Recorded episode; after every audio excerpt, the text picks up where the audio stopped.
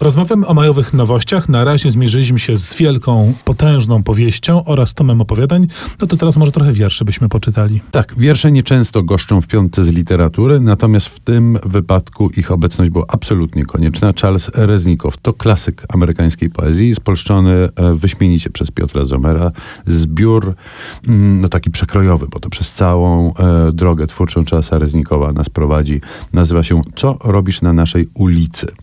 I to to jest książka e, poety, który tworzył przez przeszło sześć dekad swojego życia. Przez większość życia e, wydawał własnym sumptem. Żadnej sławy ani nagród za życia się nie doczekał. Był rozpoznawany dopiero. Pośmiertnie został okrzyknięty jednym z klasyków amerykańskiej liryki. Myślę sobie, że słusznie. Natomiast to wszystko nie ma znaczenia. Znaczenie ma to, że te wiersze zebrane w jednym tomie, tomie są dostępne w języku polskim i że można je sobie na spokojnie e, przeczytać, bo uwaga, uwaga, to jest poezja dla mm, wielbicieli poezji, oczywiście, ale również dla niewielbicieli poezji. To momentami są haiku, obrazki rodzajowe, mm, bardzo niepoetyckie, właśnie takie mm, prozatorskie, chciałoby się powiedzieć. Reznikow ma niesamowitą umiejętność w opisywaniu, ale takim ultrarealistycznym świata, który postrzega. Często są to miejskie detale, często są to, no, przede wszystkim są to miejskie e, detale, ale też tak zwani zwykli, normalni ludzie. Często są to wycieczki w jego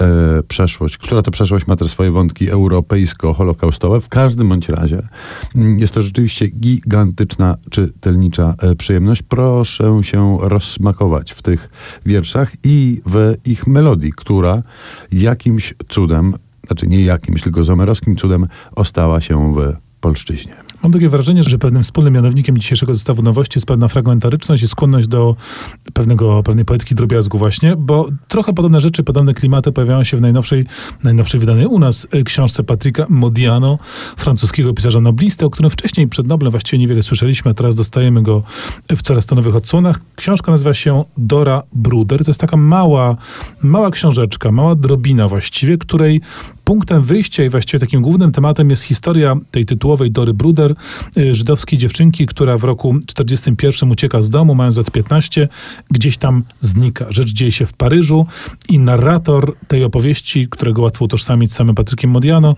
chodzi po Paryżu i szuka, szuka tropów, ale właściwie on na niej nic nie wie.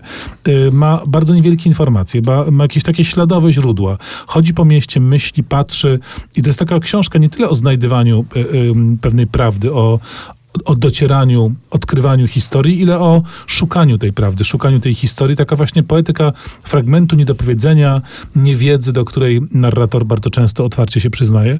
Ciekawa, malutka rzecz, która rzeczywiście daje do myślenia, jakoś tak intrygująco zostaje w człowieku po lekturze. Podobnie jest z kolejną książką, gdzie tu też chodzenia po mieście francuskim jest sporo, z tym, że tym miastem nie jest Paryż, a Havre, czyli rodzinne miasto Raymonda Queneau, którego słuchacze piątki z literatury znają oczywiście wyśmienicie. To e, legendarny eksperymentator e, języka francuskiego. Na przykład ćwiczył styl kiedyś sobie w 99 różnych sposobów. Ćwiczył, tak, i napisał kilka bilionów wierszy. Wybitnie zabawny to też eksperymentator i e, pisarz. E, dostajemy jego powieść chyba mniej znaną, tak mi się wydaje, i e, w ojczyźnie, i w tłumaczeniach.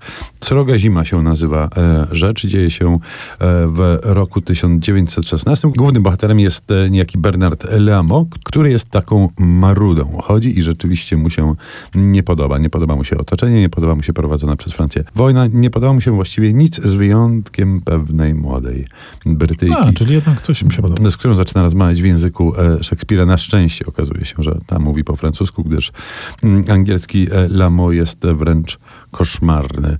I rzeczywiście w tej książce nie ma za dużo akcji, niewiele się dzieje. Pojawia się tu jeszcze plejada innych równie ciekawych e, postaci. Natomiast jak to u Keno e, bywa, jest ona pełna smaczków, które tak naprawdę jesteśmy w stanie wyłapać za kolejnymi lekturami. Rzecz jest króciutka, więc spokojnie można poświęcić jej trochę czasu na pierwszą, drugą, czy ponowne wręcz lektury. No to skoro prosty człowiek był bohaterem tej historii, to posłuchajmy muzyki Angelo Badalamentiego z filmu Prosta historia właśnie.